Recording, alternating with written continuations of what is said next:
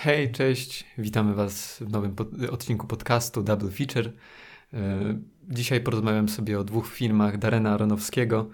E, z motywem biblijnym będzie to film Noe, wybraniec Boga, czy wybrany przez Boga. I Mader, wykrzyknik. Zapraszamy.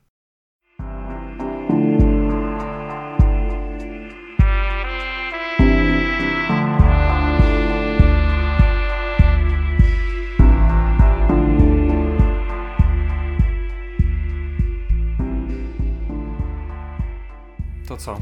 co? Może najpierw sobie pogadajmy o tym, jak, no skoro mamy dwa filmy Darena Aronowskiego, może jakoś porozmawiamy o tym, jak widzimy oboje jego karierę, mhm. nie? W sensie jak, jak o, o, co sądzimy o jego poprzednich filmach. No tak, no, w momencie, w którym to nagrywamy, to są jego dwa ostatnie filmy. Prawda? Prawda, prawda, prawda. prawda. Cieszę się, że się zgadzasz. Yy, I w sumie to już jest reżyser doświadczony, bo jest ponad 20 lat w jego karierze. Yy, już troszeczkę sobie wypracował renomy, bo w mhm. sumie zrobił na jego, który był dużą produkcją, ale sobie to jeszcze chyba wspomnimy. Yy, ja się przyznam, mm, w sumie go nie lubiłem dosyć długo, do pewnego momentu. Yy, I to dziwo jest ten moment, w którym większość osób, która go lubiła, przestała go lubić albo nie lubiła go za ten film.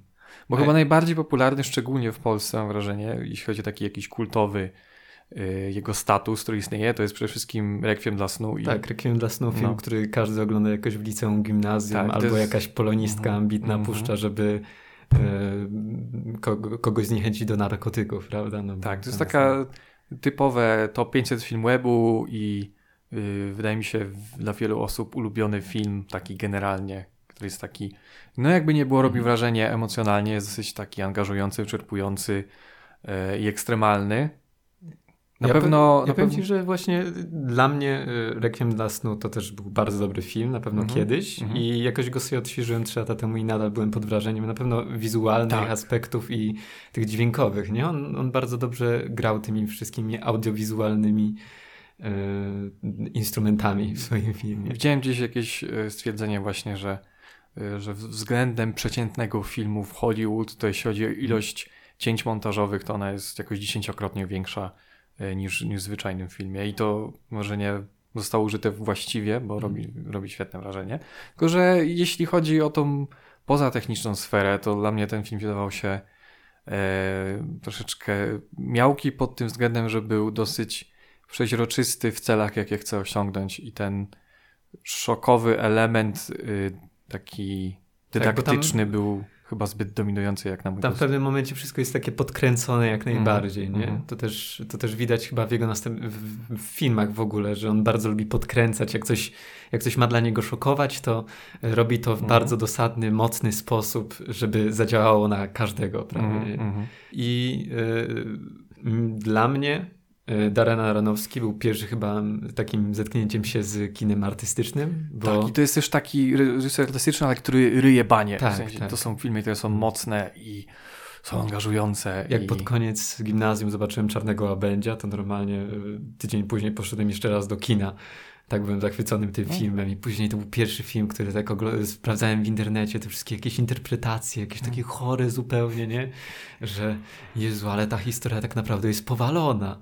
No i, i większość jego filmów tak ryje banie, nie? Jest jeszcze to źródło, które jest bardzo mocno wizualne mhm. E, z tymi wszystkimi e, planetami. Nie wiem, gdzie, e, nie wiem, co tam się dzieje, ale pamiętam, że czytałem o tym, że te wszystkie efekty wizualne są jakby y, wzięte z mikroskopu jakiegoś elektronowego po to, żeby to się tak nie zestarzało. No. Nie. No, no chyba był najbardziej spirytualistyczny film w jego karierze, tak dosłownie, ale no, w sumie nie przez przypadek też gadamy o tych dwóch filmach z, z tych spirytualistycznych względów, bo zawsze się to przejawia, jeśli Chyba zawsze, jeśli on pisze scenariusz, tak naprawdę, jak sobie myślę, bo Fighter na pewno tego nie. Fighter? Nie, tak, zapaśnik. Tak, zapaśnik, zapaśnik nie był pod jego, według, według, jego scenariusza mhm. i Czarny Łabędź też Chociaż nie był pod jego. Dosyć, dosyć jego film, mam wrażenie. Mhm. No. I jeśli jeszcze, jeszcze chodzi o y, filmy związane z wiarą, mhm. no to mhm. mamy jeszcze Pi, jego tak, debiut, prawda? Właśnie. Mhm. E, gdzie e, tam chyba główny bohater ma e, rozszyfrować, rozszyfrować kod Tory, matematycznie ma to wszystko obliczyć i tam chodziło o jakąś intrygę nawet z CIA. Tutaj chyba widać jego jakiś taki podejście budowania jakiejś takiej intrygi typowej, kliszowej Mhm, z tymi mhm. wszystkimi agentami, jednocześnie mówiąc o czymś takim duchowym związanym z wiarą. No i w sumie jak o tym mówimy, to jakoś mi to przypomina Terensa Malika. I nawet część tych ujęć z Noe jest dosyć może niepodobnych do y, rzeczy, które robił y, w Tree of Life. Ale nie mam tego samego, że tak powiem, nastroju, bo on jednak jest chyba trochę bardziej do widza i trochę bardziej kroczy tymi ścieżkami scenariusza, które mają przede wszystkim angażować widza, a nie odpływać swoje jakieś wizyjne wizualizacje. Tak, i właśnie tutaj w tym momencie przechodzimy do pierwszego naszego filmu, Mhm. czyli Noe, wybrany przez Boga. Film dwa- z 2013 roku.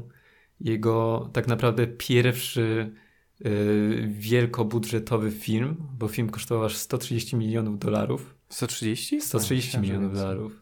No i tak dużo. I tak dużo. Bardzo dużo. Zarobił na siebie. Y, trzykrotnie więcej y, zarobił niż miał budżetu. No, byłem przekonany, że był klapą. No ja też byłem przekonany, że był klapą i że w ogóle Darren Aronofsky się załamał, ale okazało się, że był klapą w Stanach, a wszędzie indziej zarobił y, ponad to. W ogóle był ch- chyba jestem nadal najlepiej zarabiającym filmem w Rosji i w, Braz- w Brazylii, coś takiego było. Y, ale nie wiem, czy to się nie zmieniło po tym, jak Avengers już weszło, Aha, bo te aha, Avengers... Te analizy pewnie są z. e, tak, to jeszcze, jeszcze starsze. To jest Y, ciekawe, że tak to zwykle bywa, że jeśli film nie poradzi sobie na rodzimym rynku, to automatycznie jest deklarowany klapą. No właśnie. Nie wiem, jak to A działa. tutaj jednak e, właściwie e, widzowie z USA Mhm. e, nie mieli aż takiego wpływu na e, sukces Aronowskiego. E, e, jak już mówiliśmy w sumie o budżecie, to chciałbym jeszcze powiedzieć o tym, jak właściwie powstał ten pomysł na film. Mhm. E, Bo wydaje się, że jak coś jest takie wielkobudżetowe, no to e, stoją za tym ogromne pieniądze, ale to był film, o którym myślał Darren Aronofsky już od bardzo dawna, jeszcze nawet e, zaraz po tym, jak zrobił Pi, to myślał o zrobieniu tego filmu. Nad, myślał o nim jeszcze w siódmej klasie podstawówki. W ogóle to jest ciekawa Brzmi jakby historia, zrobił pi wcześniej. bo w, w siódmej klasie Mhm. y, pani z, od, nie wiem, nazwałbym to od polskiego, ale po Mhm. prostu pani z literatury Mhm. w, y, w Stanach, y, w jego szkole, na pewnej lekcji kazała im po prostu wyjąć długopisy i kartki i napisać wiersz jakiś. No i on napisał wiersz o Noe, który się nazywał The Dove, czyli gołębica, który odnosił się do tego, y, do, do, do Biblii, y, o historii o Noe, o tym, że przyszła powódź i mm, dobrzy ludzie i dobre zwierzęta zostały uratowane, a człowiek został, że te wszystkie, całe, wszyscy ci ludzie zostali zmieceni z powierzchni ziemi, ale jednak to zło w człowieku pozostało i trudno, żeby y, rozpocząć pokój, ale też, żeby zahamować zło. No i on tym wierszem w ogóle okazało się, że babeczka y, od literatury zgłosiła te wszystkie wiersze do konkursu y, ONZ. Mhm. I on wygrał ten konkurs w Stanach i mógł go zaprezentować. krajowy? Krajowy, tak. Wow. Mógł go zaprezentować podczas konwencji Mhm. ONZ. No. I od tego czasu, ze względu na to, że to była pierwsza rzecz, jaką kiedykolwiek wygrał w życiu, cały czas mu to się działo w głowie, żeby e, wyciągnąć więcej coś z tych czterech rozdziałów Biblii e, Mhm. o, o powodzi z, no, z Noem. E, I próbował zebrać, że najpierw napisał scenariusz gdzieś tak około 2000 roku, jednak wtedy jeszcze Hallmark planował robić film o Noe, więc stwierdził, że to jeszcze nie czas. To mogę zdecydowanie inne kino. No, później jeszcze miał plan zrobić wysoko, wysokobudżetową e, The Fountain, czyli źródło Mhm, mhm, wielkobudżetowe z Bradem Pittem. Ale ostatecznie to też się zawaliło i zrobił nisko, e, Niskobudżetową niskobudżetową wersję. Mhm. E, I dopiero w 2011 e, okazało się, że jest jakaś szansa na Noe, ale producenci nadal nie byli zbyt chętni, żeby e, mu dać pieniądze, więc on e, się, e, on napisał, zaczął pisać scenariusz do komiksu z Arim Handlem. I w 2011 ten komiks wyszedł w Belgii po francusku. Dlaczego? Wiadomo? I zyskał uznanie w świecie komiksów. Mhm. Nie wiem czemu, akurat tam, w Belgii. I wtedy dostrzegli potencjał w tej historii. I dali mu pieniądze na to, żeby zrealizować film. Wow. Ale to od początku były tak duże pieniądze, czy klasycznym modelem to się no, rozwijało w trakcie? E, to się rozwijało w trakcie, Aha. z tego co wiem. Wiem, że ostatecznie na film przeznaczono 115-130 dolarów. Mhm. No w sumie z tego co słyszałem e, przy Rekwiem dla snu, gdzie też miał problem z finansowaniem i chyba zaczął od 2 milionów, które zostało wybłagane, a skończył na 5. Więc przypuszczam, że jeśli ktoś ma takie tendencje, to zwykle je powiela do rozdmuchiwania budżetu. No i w tym filmie ten budżet zdecydowanie widać i mam wrażenie, że został spożytkowany naprawdę dobrze, bo y, oglądałem go teraz, już minęło 7-8 lat y, i niewiele rzeczy w sumie jakoś tak się boleśnie zestarzało. Mhm. No tutaj, y, tutaj mamy w ogóle y, przedstawioną konkretnie historię Noe, tak? Jest mhm. tam wspomniane o tym, jak doszło do tego, y, że E, jest tylko krótko wspomniana ta historia powstania świata, o wygnaniu Adama i Ewy z raju e, jest wspomniane, i to jest chyba główny e, motyw tego filmu, przemoc bliźnich wobec siebie, bo chodzi No właśnie, bo w sumie... Tak, Abel zabił Kaina. Znaczy część, zabił historia jest jakby znana, wydaje mi się, hmm. każdemu w, tym rejonie, powiedzmy, świata Europy. Tak, tak. Ale te, te odejścia od oryginału są dosyć interesujące i wydaje mi się znaczące. Y, bo co ciekawe, y, tutaj mamy tą powiedzmy wersję Ziemi, na której te wydarzenia biblijne z początku stworzenia, czyli jeszcze właśnie Kain i Abel, nie są jakimiś postaciami, które są bardzo mitologiczne czy, czy zaszłe, mm. tylko to są jacyś dziadkowie parę pokoleń wstecz. Chyba około 10 pokoleń, nawet jest w pewnym momencie mówione, że to 10 pokoleń wstecz. I, I, są ich potomkowie, ale właśnie mamy Yy, potomków Kaina. Yy. I mamy potomków Seta, czyli tak. trzeciego, e, trzeciego syna Adama i Ewy. No właśnie, to tak. coś tutaj... Yy... Ale właśnie to się zgadza z Biblią. Tak? Oni mieli, oni, Adam i Ewa mieli trzeciego syna, Seta, który miał im zastąpić Abla. Miał być tak samo dobry i jego potomkowie mieli być tak samo dobry, dobrzy.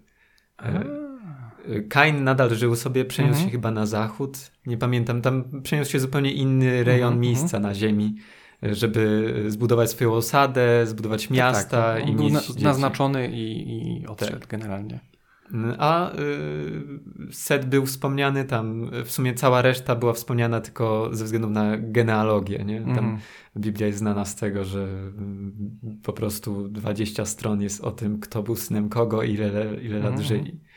No i tutaj dochodzimy do Noego, y, bo tam jest, jeszcze, który jest potomkiem Seta, tak, który jest synem Lemaka, który jest synem Matuzalema i e, w sumie to są postacie, które się pojawiają Noem, bo dalej to nie ma co wspominać, mhm, mhm. prawda? Więc jeśli chodzi o, o postacie, no to, to są postacie, które były wspomniane w Biblii. E, tak samo jest e, wspomniana w Biblii postać Tabula Kaina, czyli takiego głównego złego z Noe wybrany mhm. przez Boga. Czyli on tam reprezentuje króla ludzi, tych, którzy zbudowali cywilizację i generalnie zasiedlili ziemię. Tak, którzy uważają, że mhm. wszystko należy do nich. I tak, czyli że... mamy generalnie tutaj przeciwstawione takie ideologie mhm.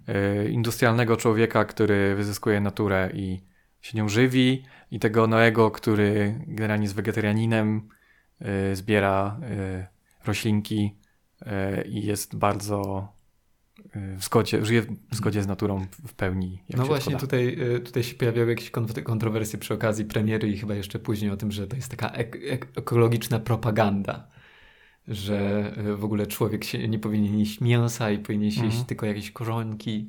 No w sumie I że wszyscy było... ludzie, którzy jedzą mięso, to są okropni. I... W sumie Noe karczuje tam parę dobrych hektarów lasu, tak. który wyrasta jako to... cud, więc e, być może nie jest aż tak jednoznaczny. Ale no zdecydowanie to ideologicznie jest, jest nacechowane.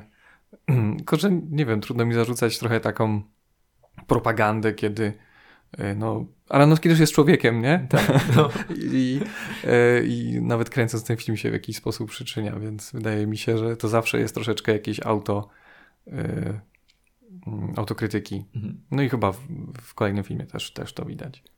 chętnie bym porównał ten film do komiksu, bo w komiksie Noe był takim super bohaterem, w ogóle z czerwoną peleryną i to było wow. wśród takich e, ruin miasta, że to było podkreślone, że to nie jest koniecznie miejsce, to niekoniecznie dzieje się w czasach mhm, biblijnych, mm -hmm, tylko mm -hmm. równie mhm. dobrze mogło to być sci-fi w czasach po mm -hmm, naszych. Tak, czyli, okay. Że tak jakby człowiek zrujnował ten świat i je, jedyne, co może żyć, to jednak właśnie na takich, takich pustkowiach i yy, walczyć o swoje przeżycie na co dzień. Tak.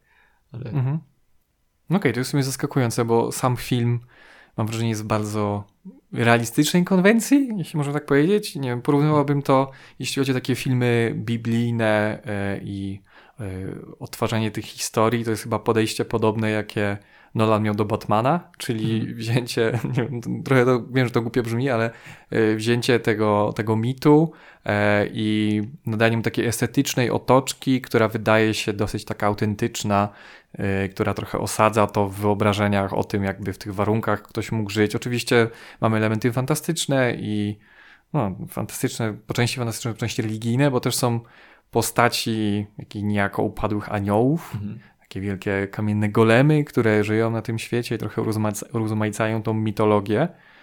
I to jest w sumie ciekawe, bo sporo y, było nawet współcześnie, dalej się wydaje te filmy oparte na y, religijnych mitach i cieszą się one jakimś tam uznaniem, ale to jest taka dosyć spora nisza, która przede wszystkim jest skierowana do po prostu osób, y, które są religijnie bardzo zaangażowane i potrzebują tej historii, a tutaj film chyba stara się wyjść na bardziej uniwersalny grunt. Mhm. I tak jak sam Aronowski mówił o tych historiach, że bardziej wyjąć tą opowieść, która go interesuje, tak jak ten wiersz, ten napisał, wyciągnąć z niego coś więcej, e, co można troszeczkę inaczej zaadaptować. I gdyby nie te źródła religijne, gdybyśmy zapomnieli, że to jest Noe, to też mi się wydaje, że funkcjonowałoby to jako takie dosyć Y, mroczne fantazy. Tak, Chyba no najbliżej. Bo, y, Arnowski mówił o tym, że w sumie y, jeśli ma się jako materiał źródłowy czterorozdziałowy fragment takiej wielkiej opowieści, jaką jest Biblia, no to trudno nie pozwolić sobie na jakąś mhm. taką wolność interpretacyjną, artystyczną. Bo on tutaj nie tylko opierał się na Biblii, ale starał się właśnie opierać na mm, takich księgach niekanonicznych jak Księga Henocha, e, czy e, nie, nie, pamiętam teraz jak to się nazywa, ale takie są e, komentarze i dyskusje mhm. w żydowskiej kulturze, które po prostu są jakby takimi kanonicznymi interpretacjami Biblii, Biblii gdzie chodzi po prostu o jakąś dyskusję między tymi pokoleniami, to właśnie tam, stam, stamtąd też brał te interpretacje, między innymi jeśli chodziło o upadłe anioły, mhm. które były tymi gigantami, bo w Biblii są wspomniane giganty przed powodzią, ale nie wiadomo czym były, tak? I tam w jednej z interpretacji chodziło o to, że są upadłe anioły. I yy, właśnie w drugiej części filmu chyba najbardziej widać to, co Aronowski chciał pokazać, to, co się dzieje na arce yy, z, Noe, z Noem, mhm. który yy, postanawia, że y, ludzkość w ogóle nie może przetrwać. Prawda? Tak, bo w sumie to jest. Y, on tworzy z Noego dosyć ciekawą postać. Y, generalnie to, co mówiłeś o tym y, zapełnianiu luk, których nie ma w tej powieści, wydaje mi się, że to jest najbardziej wartościowe, co on wnosi do tych opowieści w przypadku obu tych filmów, o których będziemy mówić, bo jest strasznie kreatywny i też interesujące jest to, jak on e, buduje te punkty węzłowe, które są dane, ale takie połączenia pomiędzy tymi postaciami czy zdarzeniami tworzy jest, jest bardzo interesujące. I właśnie to, jak on tworzy bardzo taką tragiczną postać Noego, który w sumie, jak na to spojrzymy tak z zewnątrz, na tle tego, jak widzą go inni i jaką rolę pełni w świecie, on jest takim absolutnie skrajnym fanatykiem, mhm. E, który jedyne tak naprawdę czym się kieruje, to są jego wizje, w które musi wierzyć, i jest kompletnie nieracjonalny. Prawda, w wielu momentach okazuje się, że ma rację, ale nawet to jest podawane wątpliwości. I fajne jest to, że mimo tej jego fanatyczności e, i tego, e, no tego, że jest nieracjonalny, wciąż widać te jego rozterki i mm, no, sam ma problem z tym, jaką jest postacią, jaką rolę w tym, w tym wszystkim pełni. trochę jak dla mnie uczłowiecza tą mityczną postać, która jest takim tym dobrym, który, który miał coś robić. Bo kiedy on sam wykonywał tę misję, nie był przekonany co do swojej dobroci, nawet, nawet, nawet po. Tak, bo y, w oryginale mhm. E, to no jest po prostu kierowany przez Boga. Bóg mu tak. mówi, no zrób to, to, to. Mhm. On to robi i buduje arkę, zbiera te zwierzęta. Y, jest powódź, kończy się powódź i później żyją sobie. Mhm. Tak, a tutaj są niejasne przesłania, tak. brak kontaktu z tym stwórcą. E, Jakby tak, jak można sobie wyobrazić tę wizję i kontakt z Bogiem, który w sumie nie jest w Noe nazwany Bogiem, jest cały czas stwórca, nie? W sensie o, nie, nie, nie, nie, jest nazwany Bogiem, tylko jest, mhm. jest nazwany stwórcą. E, mm, I, I e, kontakt z nim jest właśnie przez te wizje, które sam musisz zinterpretować. Interpretujesz z ojcem, czy tam z dziadkiem, który jest tym mądrzejszym i on ci pomaga jakoś to E, naprostować wszystko, mhm. on jest tym mędrcem. W ogóle taka dygresja jeszcze co do tego Antonego Hopkinsa, który jest tym e, starym dziadkiem w jaskini, e, który jest tym mędrcem, to strasznie mi się to kojarzyło z Asterixem i Obelixem, jak oni przychodzą do tego jakiegoś starego druida w jaskini i on tak się odkleja od tej jaskini i okazuje się, że jest tym starym, oblepionym grzybem dziadem, który wie, tak. I nie, tutaj nie pamiętam, tak... o której części mówisz. Nie wiem, o której mówię, ale mi, mi, mi przypominał Jodę, który siedzi w no. jaskini, jest stary, mądry i i czekam aż umrze. Bo w komiksie to on po prostu takim mędrcem w yy, ładnym mieszkanku, które było całe w hieroglifach jakichś mhm. jak, yy, i poza tym sam był ubrany tak bardzo po buddyjsku trochę. Mhm. I nie był jakimś takim zaniedbanym starcem, który mhm. miał fioła na punkcie jagódek. Nie? E, jest jeszcze temat końcówki Noego, mhm. bo e, jeśli chodzi o końcówkę, jest bardzo zgodna z Biblią. E, mnie zdziwiło to, że tam rozmawialiśmy o tej końcówce, o tym, że Noe po tym, jak zdecydował o tym, że jednak ludzkość przetrwa. Tak, bo po, powiedzmy, to chyba jest istotne, tak. jak ktoś nie widział, to spoiler, ale mhm. bo w pewnym momencie Noe uważa, że oni uratują zwierzęta, ale że oni jako ludzie muszą zginąć. Y, I w momencie, w którym się okazuje, że jedna z osób na pokładzie jest w ciąży, staje się problematyczne i uznaje, że jeśli będzie to y, dziecko, będzie dziewczynką, to będzie musiał je zabić. Jeśli będzie chłopcem, to zwyczajnie będzie ostatnim, y, ostatnim człowiekiem na ziemi. Mhm. Z tym, że no, rodzą się bliźniaki, które są de facto też, nie wspomniałem, są jego wnuki.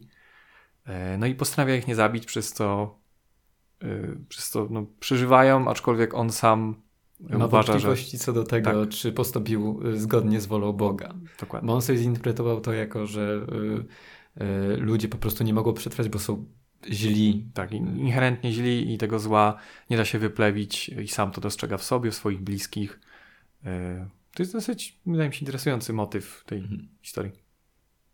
Tak, ale zakończenie jest, jest, jest bardzo zgodne z Biblią tak, mimo jest, wszystko. Jest, jest, y, bardzo zgodne z Biblią mimo wszystko. Tam y, jest ten motyw, że y, Noe pierwsze co robi, to w sumie pije bardzo dużo wina i się upija, traci przytomność nago.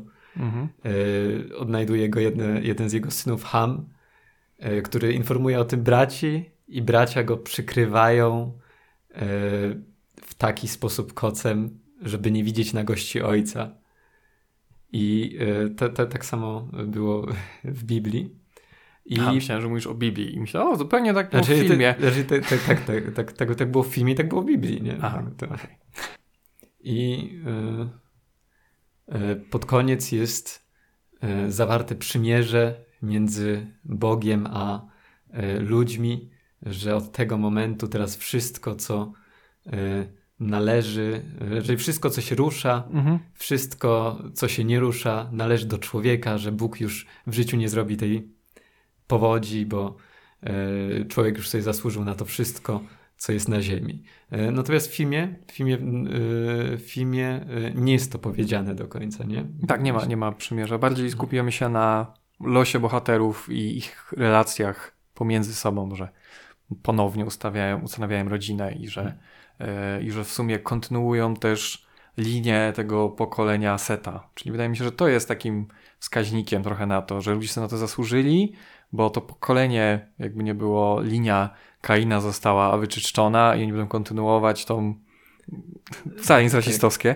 tą, tą dobrą linię Seta e, i że oni, oni będą zasiedlać ziemię.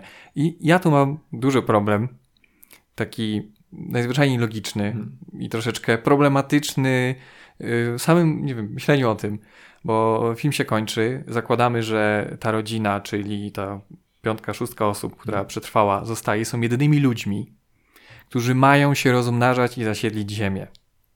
I mamy dwie, dwóch noworodków, dziewczynki, jednego młodszego syna, no cóż, ale jakby jeśli zakładamy, że y, cała Ziemia została wyczyszczona, mhm. co według mnie jest potwierdzone w filmie przez to, że mamy w pewnym momencie plan całkowity, gdzie widzimy Ziemię owładniętą tajfunami. Dosłownie cały glob jest y, w takich kręciołkach, więc wygląda jakby nie cała planeta została zniszczona i to byli jedyni ludzie. Y, no to zakłada jakieś absolutnie chore sytuacje mm, chowu wsubnego tych ludzi, jakiegoś kazieroctwa i nie wiem, czy to jest uproszczenie najzwyczajne, które jest powielone po Biblii, yy, czy, czy, czy nie? Yy, wydaje mi się, że to jest takie yy, uproszczenie. Nie należy o tym myśleć później, okay. no bo mm. w sumie mm -hmm. jak, jak, się na tym zastanowisz, no to, no to, no to dochodzisz do samych jakichś takich Mhm. No, nieprzyjemnych wniosków. Tak, nieprzyjemnych rozwiązań. Nieprzyjemnych rozwiązań. I też jak dla mnie komplikuje Bo to... w Biblii o tyle to było jakby, o tyle to było dobrze, w mhm. cudzysłowie y, y, rozwiązane, że w tych wszystkich genealogiach nigdy nie były wspomniane kobiety. No. Tak, zawsze, zawsze byli mhm. tylko synowie i sy, mhm, że ten miał syna, syn, syn miał syna, syn miał syna. I tutaj nie wiadomo chyba ostatecznie ile kobiet było na arce, było wiadomo, że każdy z trzech synów wziął, wziął ze sobą żonę, tylko że żony nie miały też imion, -hmm, więc też -hmm. w sumie nie wiadomo, ile tam ostatecznie ludzi było. Tak mi się Aha, wydaje, okay. jakbym to miał mhm, interpretować. Nie? Teoretycznie na, wiemy o trzech synach z trzema żonami i Noe z żoną. Mhm. No tak, i też problem się pojawia w momencie, w którym jeśli zakładamy, że są jedynymi, ludź, jedynymi ludźmi e, i on ma za, zabić noworodki, dziewczynki, które mogą być płodne i kontrolować ludzi, e, no to jeśli zakładamy, że są jedynymi ludźmi, no to jakby z kim miałyby się rozmnażać. Ale właśnie tutaj podchodzimy do tego tematu mhm. bardzo tak realistycznie, tak, bardzo ale to wiem. też wina samego filmu, mhm. nie? że on tam mhm. bardzo chce podejść do tego realistycznie, ale też się nie może zdecydować, no bo też są tam elementy y, y, fantasty fantastyki. No to akurat y, wydaje mi się w tym, że tak powiem, settingu to jest do przyjęcia. Przez to też, że jesteśmy przyzwyczajeni właśnie do filmów historycznych, jeśli chodzi o takie wartkie akcje i e, takie e, monumentalne walki. To na przykład walka o Arkę Noego. Mhm. E, też widzimy to jako coś naturalnego, w sensie coś takiego realistycznego, tak jak w filmach historycznych, jak oczekujemy jakichś rozwiązań tak w miarę no, realistycznych. Przede wszystkim chodzi tylko o to mi, żeby to było spójne w zasadach, które tak. sam ustawia, a że te zasady tego, jak ludzie się rozmnażają, jak to działa, z, jakby umownie są przyjęte z tego, co mhm. znamy z rzeczywistości, no to sobie przyjmuję, że to też tak działa. Nie wiem, y, no nie jest aż taki duży problem, ale wydaje mi się, że dla wielu widzów było to problemem, e, bo, film był strasznie kontrowersyjny, wręcz y, źle przyjęty, chyba właśnie dlatego, że miał te jakieś fabularne niespójności pod tym względem i część tych dramatycznych, najsilniej dramatycznych momentów yy, no, nie miała swojej wagi, kiedy my się zastanawialiśmy, a dlaczego w sumie on chce zabić te dzieci, skoro one i tak nie będą miały jak kontynuować swojej linii. Myślę, że nie ma co nad tym się więcej zastanawiać, bo nie, Czyli nie tak dojdziemy tutaj do yy, niczego. Michael Bay powiedział do Ben Afflecka na planie Y, jak się, Ar Armagedonu, że zapytał, dlaczego by nie wyszkolić astronautów do wielcenia dziur, a nie szkolić wielcicieli dziur do bycia astronautem, powiedział, weź się zamknij. tak, myślę, że możemy podobnie zastosować podobny sposób myślenia też tutaj. I y, właśnie jako, jako następny film Przychodzi Mader. Tak, przychodzi z wykrzyknikiem. Mader. Yy, tak, i tak jak wcześniej mówiłeś, w sumie ten film powstał na podstawie tego wiersza, który napisał. Ja też, yy, słuchając tego, co on tam mówił, dużo wspominał o religiach jako takim źródle inspiracji i tych yy, historiach, które są bardzo uniwersalne i niezwykle pojemne i że chciałby je wyciągać. I właśnie często się mówi, że Noe to było takie zapożyczenie troszeczkę z judaizmu, a Mader wydaje mi się jest takim Mm, takim wyczerpnięciem bardziej z chrześcijaństwa już, ale trochę w mniej oczywisty sposób, bo e, absolutnie nie jest to taka e, oczywista adaptacja, tak jak Noe mamy w tytule wybrany przez Boga i tak dalej. Dobra, Arka, wiemy o co chodzi, bo jeśli chodzi o promocję tego filmu, już od samego początku on był szalenie kryptyczny. Aranowski, w sumie to jest rzadki przypadek, film robił, robiło większe studio, robił je Paramount mhm. i wyłożyli na nie łącznie, muszę spojrzeć, 20 milionów. Prawda nie aż tak dużo jak na Noego, to nie była rozbuchana yy, adaptacja fantazy, ale jakby nie było, film dzieje się tylko w jednym domu, więc to i tak jest spory budżet. Yy, I sam Ranowski od samego początku mocno bardzo trzymał rękę na pulsie, chodzi o promocję filmu, yy, o to, żeby zwiastun za wiele nie zdradzał, yy, wrzucał jakieś Mm, takie bardzo tajemnicze informacje na swojego Twittera na samym początku. Była tam e, modlitwa matki, e, później jedyne co wyciekło to był plakat, który nawiązywał do dziecka Rozmery, co jest takim dosyć sprytnym nawiązaniem, bo film e, w dużej mierze podziela wspólne wątki, ale no nie jest jego adaptacją. Mm, co na początku właśnie myślano, kiedy o filmie nic nie było wiadomo. No i on zadebiutował w Wenecji E, jak to na tych festiwalach bywa, na jednym pokazie miał owację, a na drugim go wybuczeli. Co w sumie troszeczkę, wydaje mi się, Ranskiego cieszyło względem tego, co mówił, bo e, troszeczkę czuł, e, czuł się zagrożony przez studio, przez to, że da im tyle pieniędzy i te kontrowersje pod względem promocyjnym go cieszyły. Potem film trafił do, mm, do na festiwal w Toronto, bo one są praktycznie zaraz po sobie, i potem szybko wrzucili go do kina, żeby coś zarobić. Y, tylko, że był duży problem taki, że y, w Stanach działa coś takiego jak y, Cinema Score. I to jest taka organizacja, która ma w większości amerykańskich miast, w największych 25 miastach swoje oddziały. I działa tak, że w kilku z tych miast, jeśli, kiedy film wchodzi do kin, czy tam jeszcze przed premierach, rozdają zwyczajnie ankiety widzom, w zależności tam mają dużo rubryk, w zależności od wieku, tego co ich przyciągnęło do filmu i tak dalej, i tak dalej. E, no i jakoś tak się składa, że te wszystkie analityczne działania, te um, statystyki, które wyciągają, są dosyć znaczące dla studiów, które zwyczajnie chcą mieć zwrot inwestycji.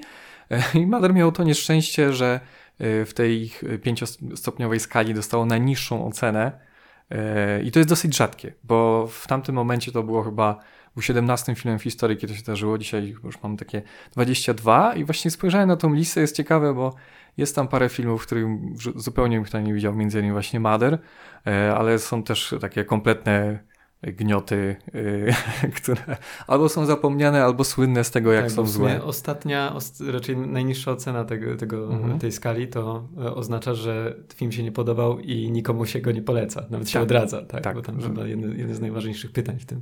Czy polecisz komukolwiek? Nie. Nie, nie miał F. Nikomu już nigdy nie polecę, nawet tak. odradzę. No.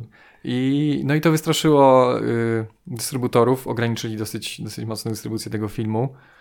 Yy, I no w sumie nie zarobił jakoś strasznie dużo. W pierwszym tygodniu to było 7,5 miliona w Stanach. Yy, łącznie udało im się uzyskać 44 miliony, ale wydaje mi się, że yy, jeśli doliczymy reklamy, to on mógł się nie zwrócić albo zarobić dosyć niewiele.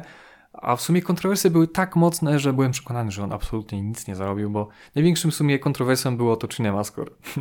to, to, to zrobiło największą burzę w, w całym środowisku dziennikarskim i okołofilmowym.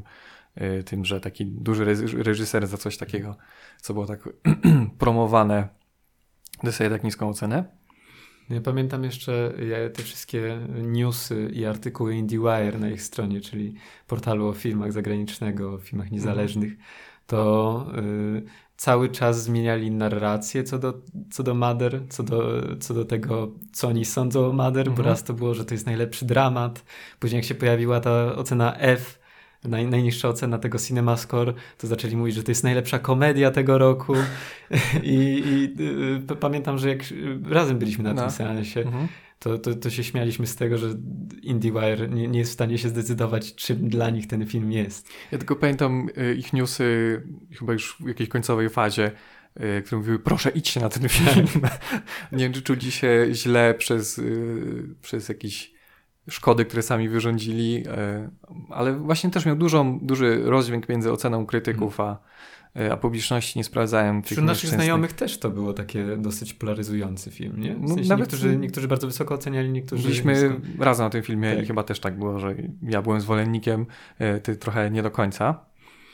Mm, to tak, ale w sumie mm, co to za film? Mhm. Co to jest, o czym on jest? No trochę mam wrażenie mm, określając, czy też nawet zestawiając go z Noe, mhm. w dużym stopniu się to tłumaczy, ale też redukuje, bo zasadniczo cała historia jest o parze, która mieszka w domu i y, w której pojawia się mnóstwo ludzi. I sam Aronofsky powiedział, że on wyszedł znowu od takiej gatunkowej kon konwencji, powiedział, że chciał zrobić takie home invasion, mhm. czyli że mamy ludzi w swoim domu, którzy mają, są atakowani czymś z zewnątrz.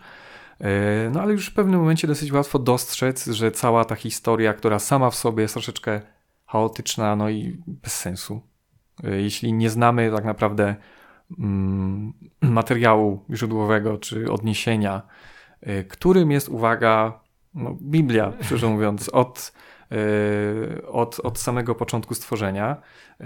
Mianowicie taki tytuł roboczy filmu to był Szósty Dzień, czyli chodzi o szósty dzień stworzenia świata, gdzie, gdzie w sumie film w tym momencie się zaczyna.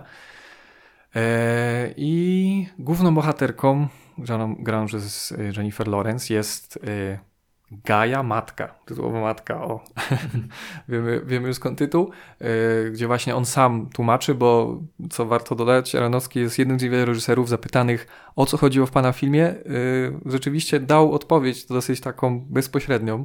Zazwyczaj twórcy unikają tego typu rozszyfrowania. Wydaje mi się, że tutaj to nie było rozszyfrowanie o tyle, bo bez tej interpretacji to troszeczkę ta zagadka się nie klei. Oczywiście E, możemy powiedzieć, że to jest troszeczkę też opowieść o twórcy, bo główny bohater e, jest pisarzem, jego partnerka jest generalnie, nie wiem, w sumie gospodynią domową de facto. Wspiera go. Wspiera go, remontuje. Jest dla niego inspiracją, nie? Często tak. jest nazwana muzą. Chyba nie jest z tego zadowolona, ale remontuje ten dom, no i generalnie ona jest takim, może nie troszeczkę e, jakimś ekstraktem biblijnej kobiety, czy generalnie takiej oboje, można by powiedzieć, są troszeczkę agregatami takich cech e, płciowych, dosyć stereotypowo postrzeganych, czyli że e, mężczyzna jest porywczy i twórczy, a kobieta jest ciepła i zajmuje się życiem. Tak jest i... trochę w cieniu tak, tego tak. męża. Mhm. Ale, no, ale z drugiej strony całość filmu de facto oglądamy praktycznie z jej perspektywy, kamera praktycznie nie odkleja się od Jennifer Lawrence. To też uważam, że jest świetne pod względem zdjęć. Ponoć aż trzy, trzy miesiące trenowali ruchy kamery i generalnie współpracę ekipy w jakimś magazynie, zanim w ogóle weszli na plan. E, I, I, chyba wyszło to świetnie, bo szczególnie w tych późniejszych, o wiele, o wiele bardziej skomplikowanych, chaotycznych scenach filmu, gdzie jest strasznie dużo statystów, strasznie dużo się dzieje, aż trudno, aż trudno się zorientować. W ogóle właśnie ze no. względu na te, ze względu na te y, archetypy, tak jak tu mówiłeś, jakieś takie stereotypowe, y, to y, można tutaj wysnuć jakieś takie trzy interpretacje. Mhm. Nie wiem, że albo to jest albo właśnie Biblia, Stwórca i Matka, Ziemia. Tak, i też ludzie, jako taki kolektyw tej masy, ale też mamy Adama i Ewę, Kaina i Jabla, znowu. I jest powódź, jest powódź w tym filmie, kiedy ludzie y, zrywają zlew i instalacja y, tutaj y, hydrauliczna się rozszczelnia i wtedy... Jest tutaj wiele super pomysłów na to, tak. w jaki sposób pokazać te wszystkie różne wydarzenia mm -hmm. biblijne. Y ale mi się wydaje, że to nie do końca wszystko się klei. W sensie tak jakby miał pomysł na ukazanie tych wszystkich mm -hmm, różnych -hmm. wydarzeń w taki pomysłowy sposób, ale nie wiedział w jaki sposób to połączyć w jedną historię. Chodzi mi o to, że trudno y, uznać jakąś jedną interpretację tego filmu. Tak, tak. Żeby ale... uznać mhm. ją za jedyną słuszną, y, nie sądząc, że ten film jest trzema interpretacjami jednocześnie co jest dla mnie problemem. W sensie trudno uznać całą historię jako jedną spójną całość. No właśnie, dla mnie to jest zaletą, że y, bo gdyby był czysto taką interpretacją, to, to byłaby trochę taka, nie wiem, jasełka, hmm. szczerze mówiąc. Nie wiem, czy miałoby to coś do dodania, gdyby nie te jego trawestacje, interpretacje, postawienie to z perspektywy tym razem kobiety, właśnie sam mówisz, nie ma nawet y, tych nazwisk kobiet w Biblii, a tutaj całość oglądamy z perspektywy tej matki ziemi, która żyje y, ze swoim stwórcą i ludźmi, których de facto jakby widać, że są na jego podobieństwo. I ona jest w tych trudnych, jakichś emocjonalnych związkach, y, bardzo takich jednostkowych. Mamy tą jednostkową sytuację pojedynczych ludzi, którzy mają alergicznie odzwierciedlić mhm. jakiś taki mm, dynamikę wszechświata. Mhm. Mm.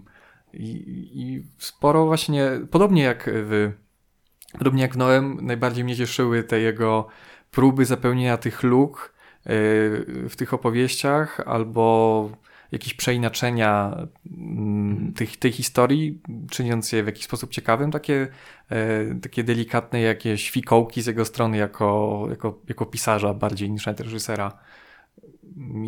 Odnajdywanie tego, e, jakby samo to było fajne, że była trochę zagadka. Mhm. Dla mnie jakby ewidentnie to się stało w momencie, kiedy pojawił się Kain i Abel, y, grany przez tak. w ogóle braci Glisonów. Ciekawe. I tam właśnie jeden zabija drugiego i y, zostaje, dostaje ranę na czole. Mhm. Dostaje ranę, zostaje mu Znamie. Tak, znamie. I to zaczyna się układać w całość. I właśnie jak drugi raz oglądałem, to tym bardziej widziałem wiele tych rzeczy, które wcześniej mi umknęły. No właśnie jak, jak rozmawialiśmy o tym mhm. filmie zaraz po seansie, to było wtedy, kiedy wychodził, e, to pamiętam, że powiedziałeś mi o tym potopie, w jaki mhm, to było mhm. pomysłowy sposób zrobione. Ja o tym nie pomyślałem za pierwszym seansie. I teraz jak oglądałem ten film mhm, drugi raz, to do połowy to mi się wszystko kleiło tak biblijnie, nie? W sensie, że kojarzę te wszystkie różne momenty, do momentu po, po potopu. I później, kiedy powstaje nowa, y, nowa praca tego twórcy. Mhm. On pracuje cały mhm. czas nad nowym wierszem i powstaje nowa praca, pojawiają się nowi, nowi zwolennicy. To tutaj w momencie tej ca tego całego chaosu nie wszystko mi się zaczyna kleić. Zaczyna to być bardzo chaotyczne i w tym momencie wchodzą mi inne interpretacje, tak jakby pierwsza część mi nie pasuje do tej drugiej interpretacji tej drugiej części, jednocześnie nie, nie pasując mi do tej całej biblijnej oprawy. No i jak dla mnie to po prostu ta chronologia tam była mhm. zarzucona i to, to nie były po kolei powiedzmy wydarzenia, tak, y, tak jak te księgi były ułożone, czy powinno się dziać y, w historii, ale nie, nie było dla mnie aż tak dużym problemem, bo patrzyłem bardziej na to jako alegorię tych motywów, które tam były i bardziej chyba istotne wydawało mi się w tym, jak oddane były te relacje yy, i jakiś yy, dynamikę tych ich wewnętrznych relacji w danych sytuacjach, które powiedzmy są zaczerpnięte z Biblii, niż jakieś ich bezpośrednie odgrywanie mhm. tak, jak powinno być, powiedzmy. Na przykład ciekawe jest to, yy, jak szatan, w ogóle zło było w tym filmie pojawiane, był takim wielkim nieobecnym, jak się dokładnie przyjrzy, to nawet jest moment, w którym pojawia się wąż, który kusi Ewę, tylko że go nie widać, jest, e, jest e, zapchana toaleta, w której jest coś dziwnego i jakby matka próbuje to, nie wiem, odetkać i słyszymy jakiś taki dziwny, syk. taki syk i to ucieka. I to jest dokładnie w tym momencie, kiedy ona idzie po owoc zakazany. Do mnie chyba bar, w sensie na, nawet to do mnie za bardzo nie przemawia, jeśli chodzi o węża. No bo w sensie jako mhm. jakiś w sumie zbitek papieru, tak naprawdę zaczerwieniony krwią w toalecie, który zapchał. Nie, nie, to było tak, No że bo- ona wrzuciła z, zwitek papieru. Tak, ale, ale w sensie, ale tak Ja jak ci to wyglądało, nie? W sensie, bo zbitek papieru Aha. wrzuciła, spuściła wodę i y, toaleta się zatkała.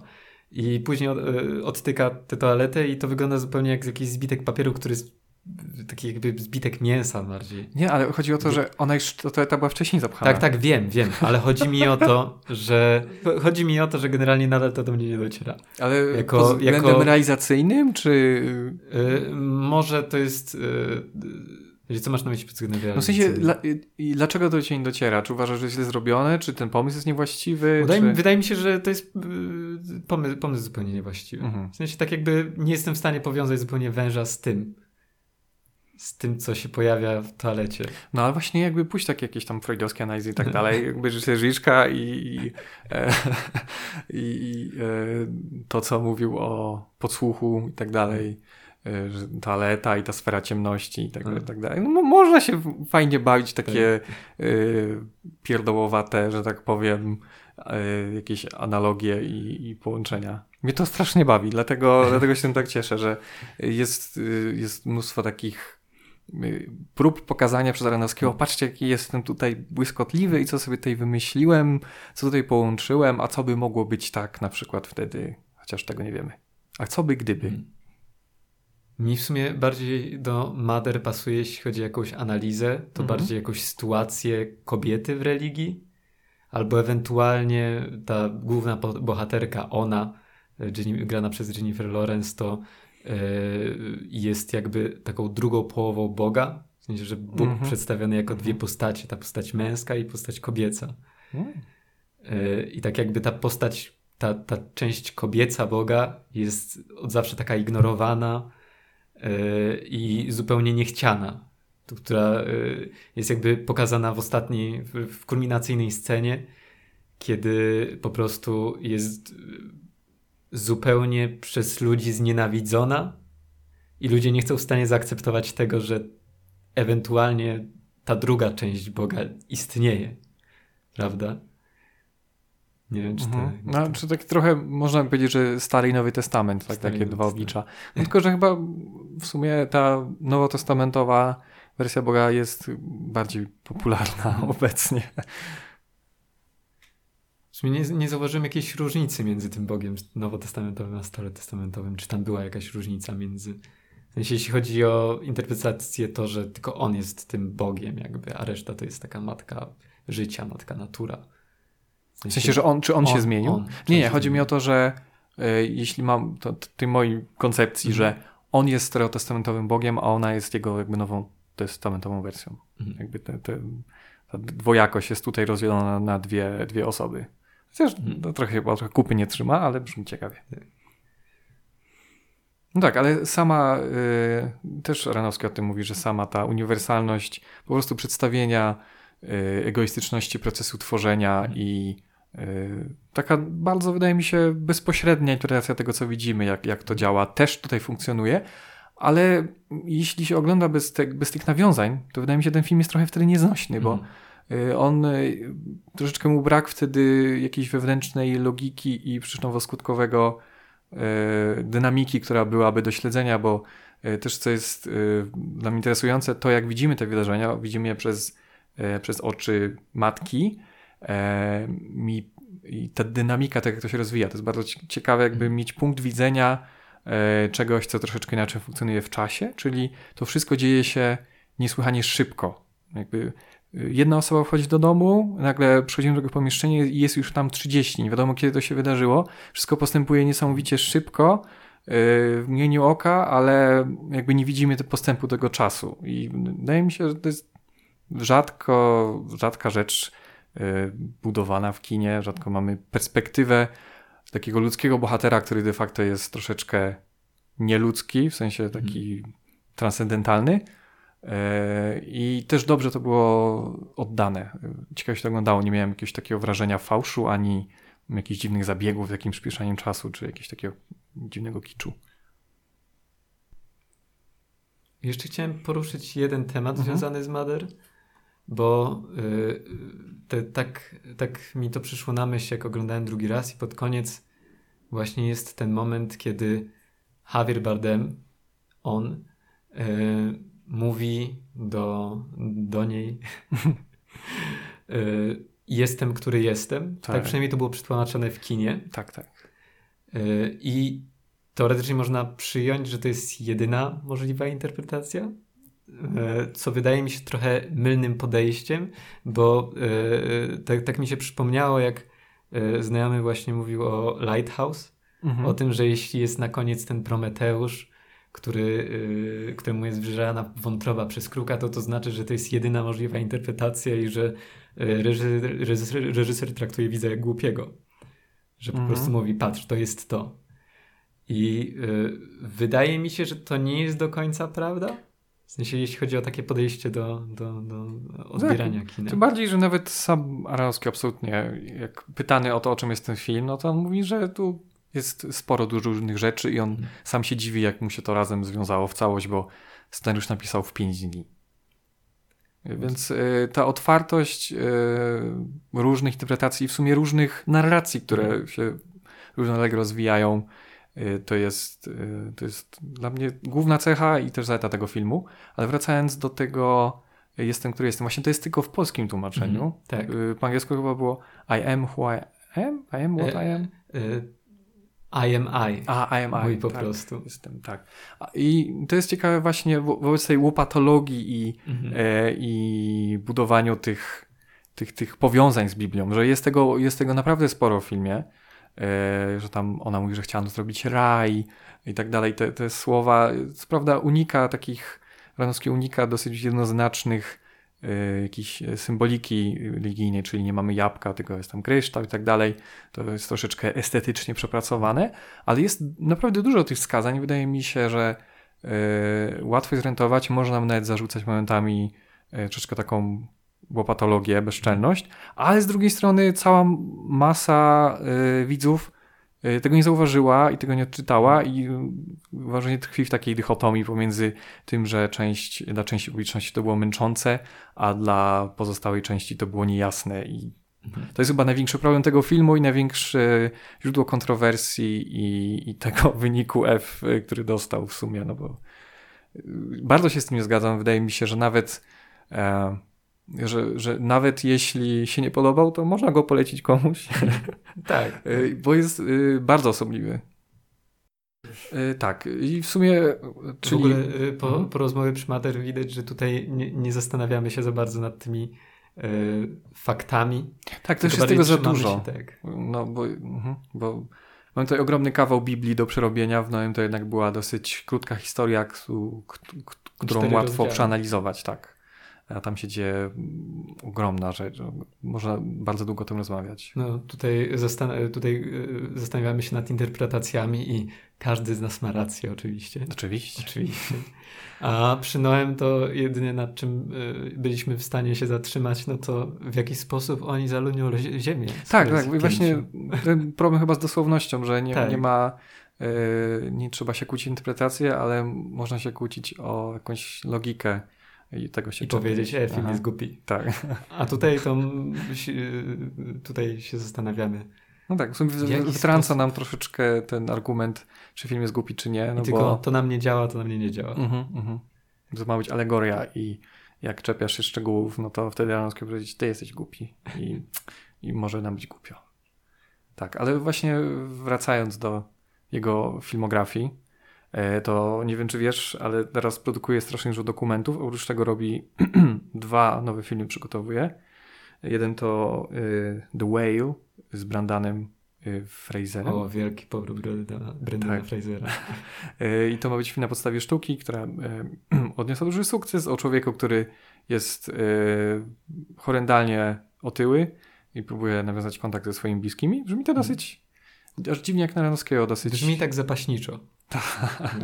tak bardzo, bardziej takie przyziemne.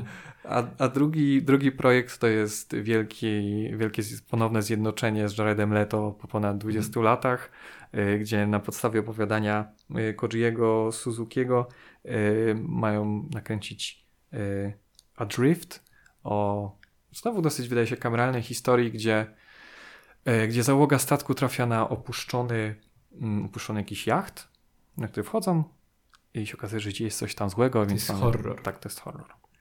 Więc w sumie ciekawe. Chyba już troszeczkę te biblijne motywy na chwilę nie będą się pojawiać, chociaż może się Mhm. zaskoczymy.